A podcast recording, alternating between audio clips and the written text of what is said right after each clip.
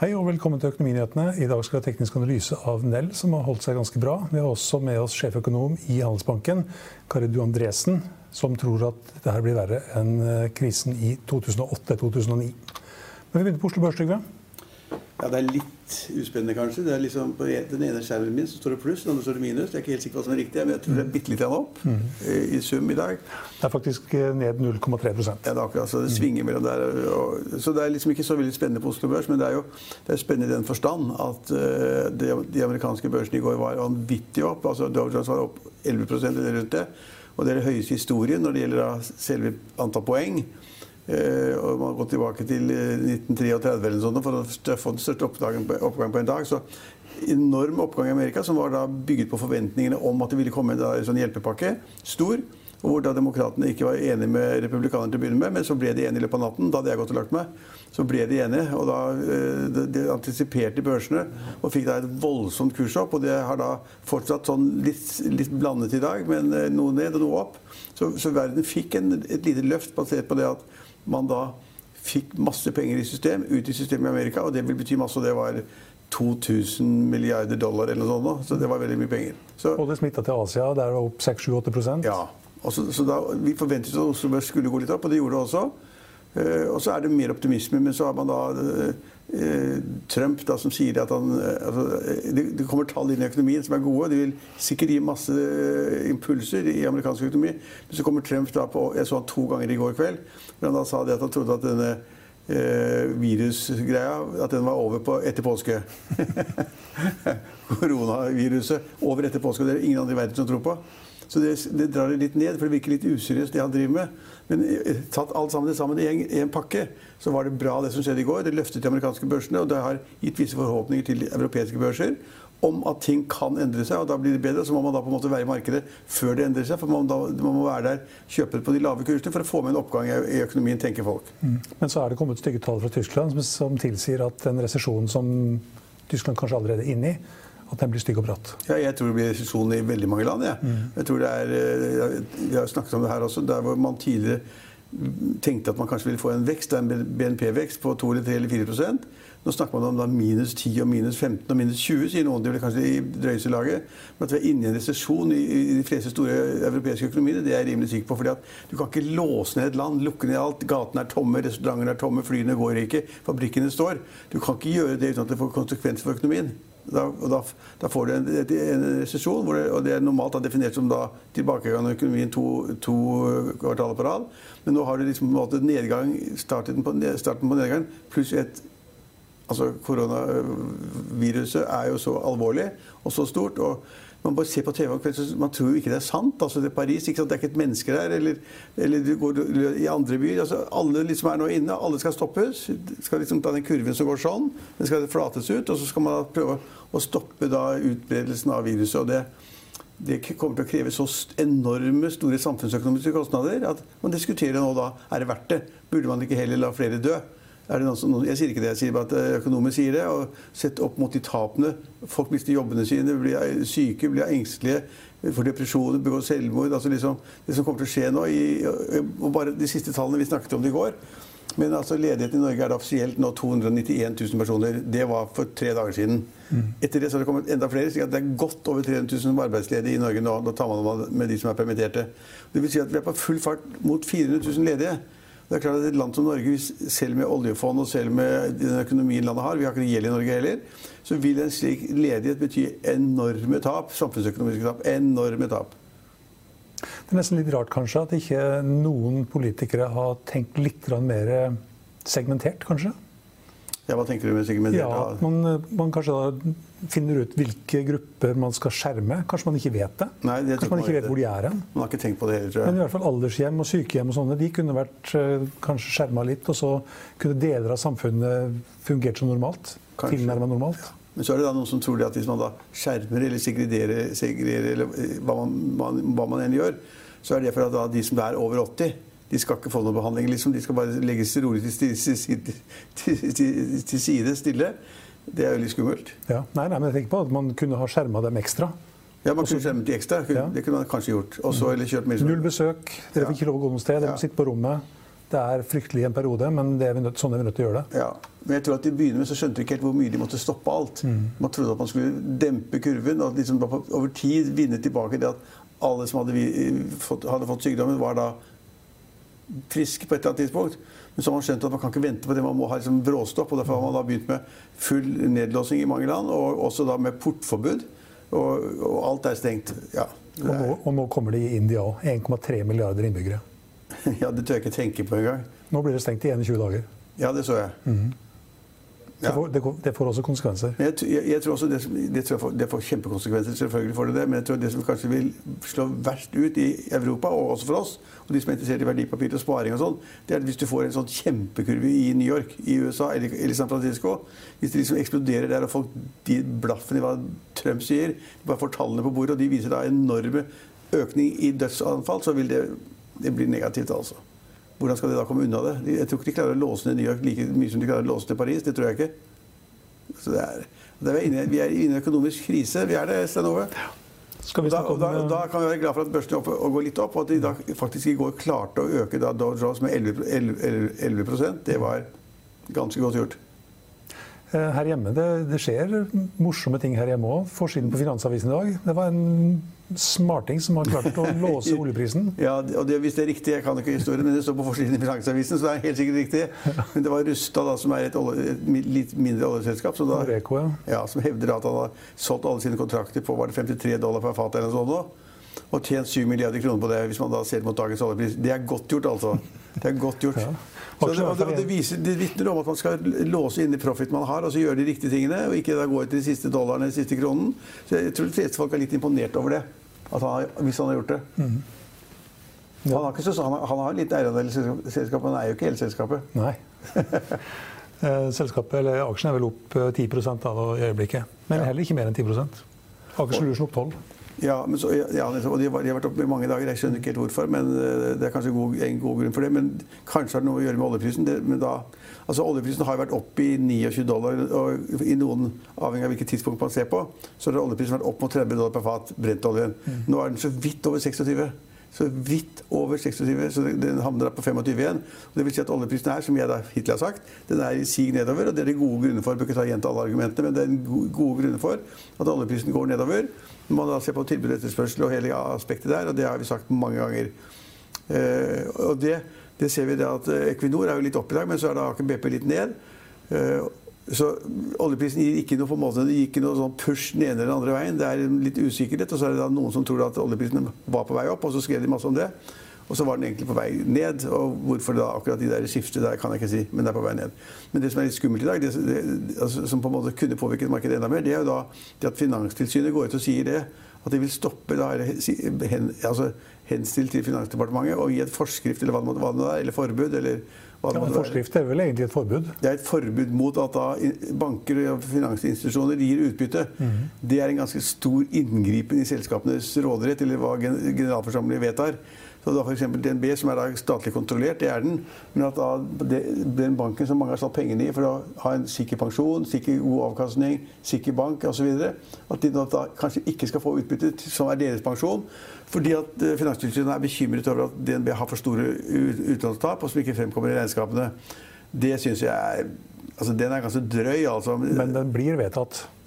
Tror du ikke det? Jo da, den blir vedtatt. Det rare er at Storebrand, som er et stort finansselskap, vil tippe at det gjelder for Storbrann også. Den har vært opp 5-6 i dag. Det, det, gjelder vel for alle banker og finansinstitusjoner? Ja, ja, absolutt. Men altså, da, Storbrann er jo opp 5-6 mm. Så da ser det ut som aksjonærene da i Storbrann, eller de som vil kjøpe aksjer der, ikke bryr seg så mye om at, banker, at, at, at forsikringsselskapet Storbrann ikke får lov til å dele ut utbytte. Ganske inngripende, spør du meg, altså.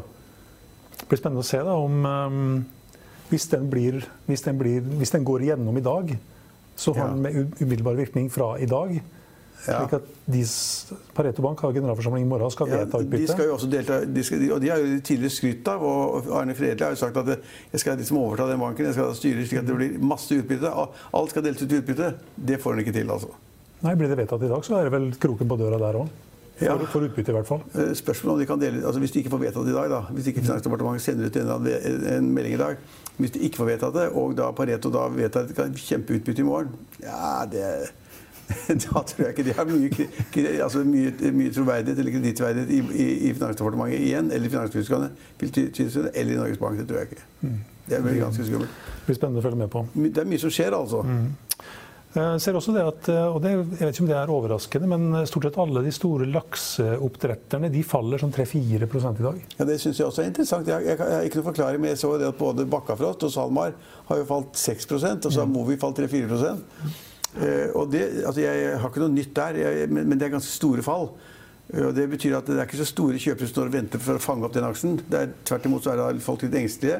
Og det tror jeg ligger ene og alene i det at det er, som jeg har sagt ti ganger at når det ikke er fly som går i verden, Europa eller, eller til Asia eller Østen, eller hvor det, det, er ikke fly som går, så har de ikke nok fraktvolum til å få det inna. og Da må da, da, da oppdrettsselskapene selge da i Europa med lastebiler ut og inn. og Det er også litt komplisert. slik at det er vært en altfor stor avhengig av flytransport hittil, som har vært fenomenalt god. Og Lastebilene går fra hele kysten og Vestlandet, ikke sant, Ålesund og Vestlandet og ned, og kommer til Gardermoen, og der laster de og går. Alt er lynraskt, egne områder og egen, egen nedkjøring, og alt er bra. Når det plutselig stopper opp, så blir det ikke kvitt fisken, tror jeg. I'll see you in court. Vi sier det ofte litt på spøk, men for deg som driver business, er det aldri moro å innse at du ikke har laget en 100% gyldig kontrakt. Du bør ikke risikere hele firmaet ditt fordi du synes dette med kontrakter er litt stress. En avtale er ikke en avtale. Du kan miste kunder, miste venner, ja, til og med miste inntekter om du ikke lager en skikkelig kontrakt, på alt mulig, egentlig. Men vi vet det er et styr. Kopimaskiner, tregprinter og haugevis av papir. Dessuten stoler vi jo på folk her i landet. Det er ofte litt kleint å skulle be om en signatur for alt mulig, ja, for mye av styret handler også om jakten på underskriften. Det finnes en enkel måte å løse dette på, Dukkobit, en trygg, effektiv og get this, gratis måte å sikre seg en god natts søvn pluss en juridisk bindende avtale. Dukkobit-appen har de strengeste sikkerhetskrav i bunn, samt en EU-godkjent og sertifisert teknologi. Framover vil det bli behagelig å spørre du, skal vi skrive under på det, eller? Kom i gang på dokobit.no.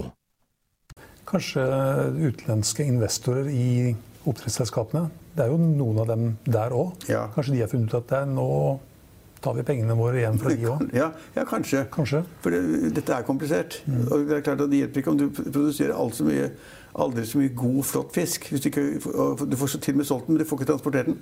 Så det går ikke. Så det, så det, altså jeg syns også utslagene med 6% nedgang var ganske kraftig. Men ja, det er, som du var inne på 7% i SalMar. Mm. Ja, men det er, en, det er sannsynligvis en god forklaring på det. Jeg var inne på utbytte. Olav Thon har funnet ut at han heller ikke skal betale utbytte for 2019. Jeg så det var, det, det var 300-500 millioner kroner spart eller noe sånt. Ja. Ja, det likte han helt sikkert godt. Jeg tror ikke han er så opptatt av utbytte, men det er sikkert hans finansfolk som har sagt at det er lurt å komme med utbytte og være en god avkastningsaksje. Mm. Det er det å være i eiendom gjennom Olav Thon og samtidig ha en god avkastning, det løpende yield på det, det er bra. Eh, men det er jo veldig mange selskaper nå som kutter utbytte, som hadde planlagt å komme det. Jeg tror, jeg, jeg tror, det bare var, var det Norske Skog. Hva heter han igjen, han som er administrerende eller konsernsjef i Norske Skog nå? Jeg husker ikke farta. Nei, nei, men han er en harding. De skal holde på utbytte? Ja, så sa han utbytte. 2019 var 2019. Snak, nå er vi underforstått. Vi er i 2020. Er du dum, eller? 2019 er 2019. Og hva vi gjorde da med utbytte for det året, mm. det har ingen noe med. Det var en ganske hard av, avvisende holdning. Da. Mm. Og jeg syns han delvis har rett. Altså, det er klart at Hvis selskapet trenger penger og går underskudd eller korona eh, medfører vanskeligheter, så er det godt å ha litt eh, til side i skuffen eller i safen og da droppe utbyttet akkurat dette året. Men det er også gode argumenter for at hvis man har lovet aksjonærene det, og hvis det går veldig bra, skal ikke da aksjonærene få det utbyttet som er deres avkastning, som er deres rente. Noen har pengene i banken og får rente på det. Noen har penger i aksjemarkedet og får utbytte og skal ha en gild avkastning på det ja, altså jeg, jeg, blir litt imponert over folk som sier at vi 2019 var 2019, og nå er vi 2020, din tufs. Han sa ikke det siste, men det var akkurat tonen var, og bildet var at ja. Men du kan risikere at de som nå da trosser egentlig den her lille dugnadsånden, for å kalle det det, da, ja. at de kanskje kommer til å bli mobba herfra til i hvert fall Ja, de blir mobba ganske lenge. Ja, I hvert fall i Dagbladet eller Dagsavisen eller den type ja. aviser. Eller Klassekampen. Det vil man bli lenge. Men, de, men det er saklige grunner. Og det er også slik at mange selskaper uh, dropper jo da bonuser for 2019, selv om 2019 var et superår, mm. og holder den igjen. Og kanskje kommer tilbake til det, og kanskje etterbetaler siden, hvis man kommer ut levende ut av 2020. Men det er også argument som taler for at 2019 var 2019. Mm. Hvis du har gjort en strålende jobb, og selskapet har gjort det kjempebra, enten har tjent mye penger eller lagt om drift eller bedre kostnadsstruktur eller hva det måtte være, så har de krav på den bonusen moralsk og rettslig nesten, syns jeg. Mm.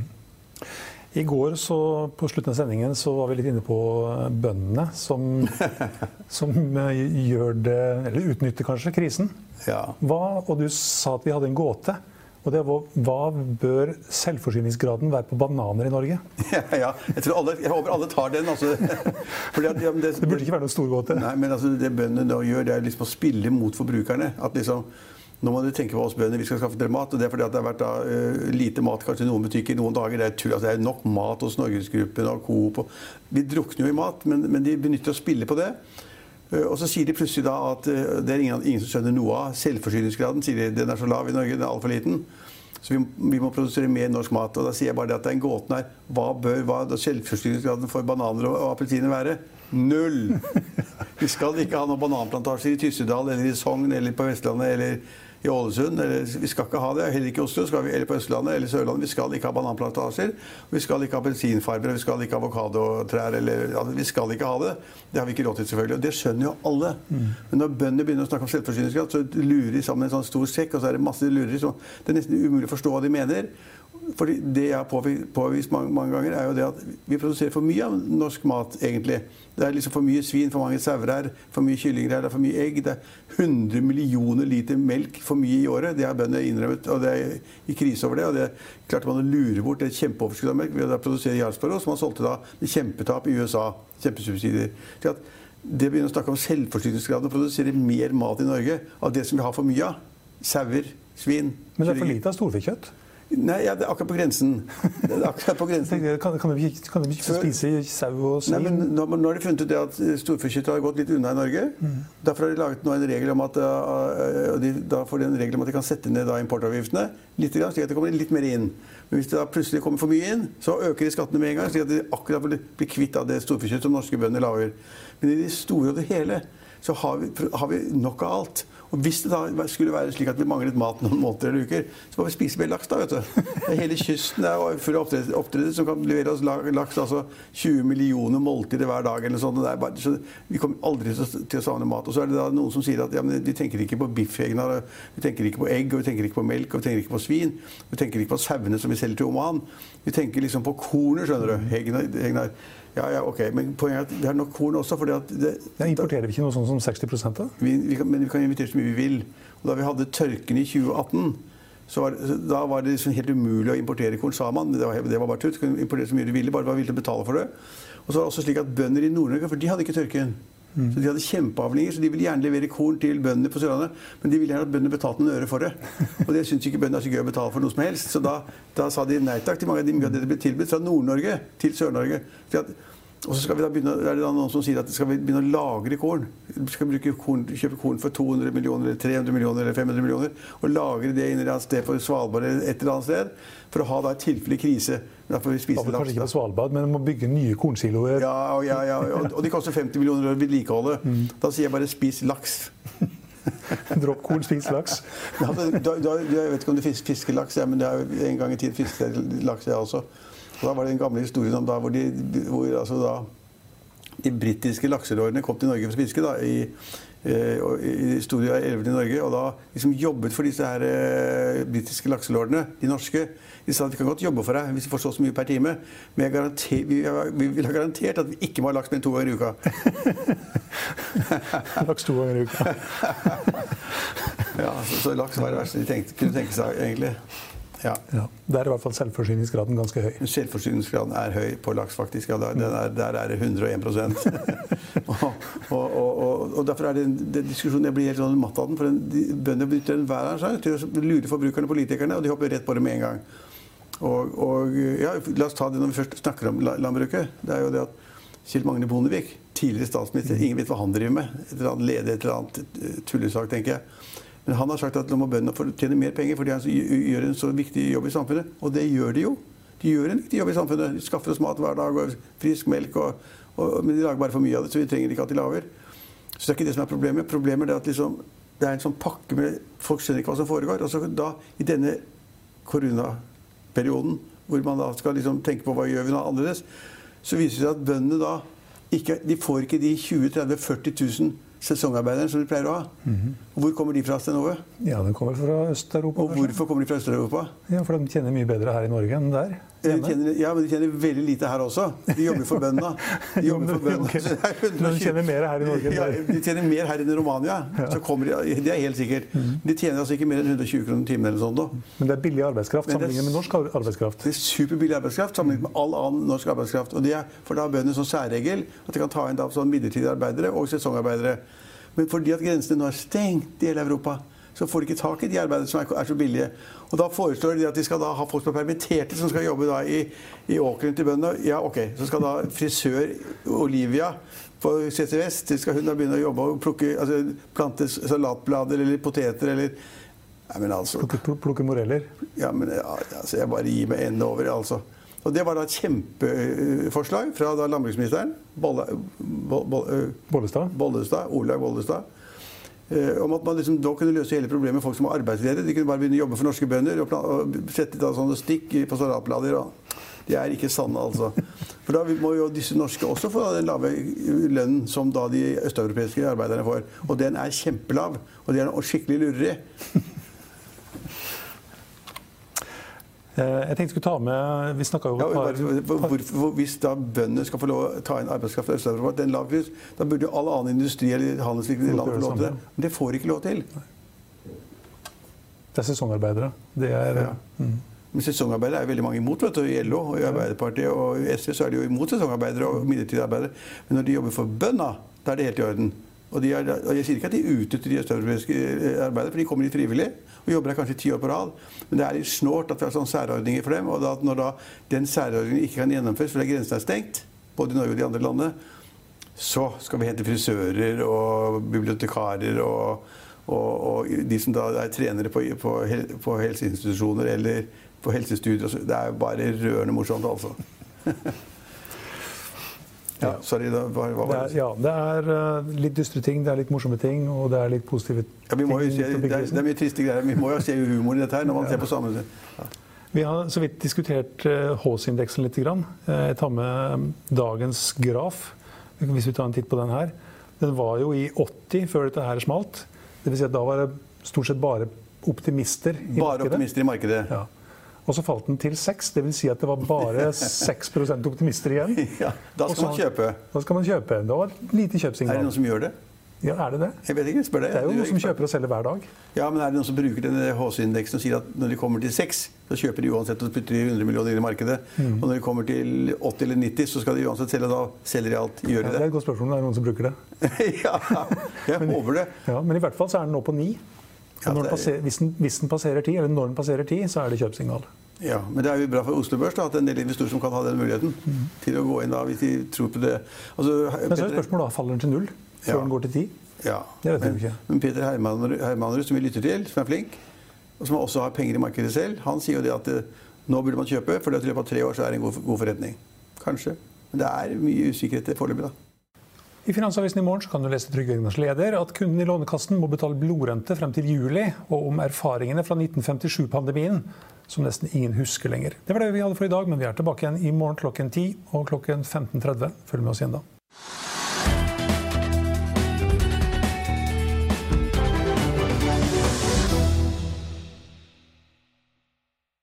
Økonominyhetene er en podkast fra Finansavisen. Programledere er Marius Lorentzen, Stein Ove Haugen og Benedikte Storm Bamvik. Produsenter er Lars Brenden Skram og Bashar Johar. Og ansvarlig redaktør er Trygve Hegnar.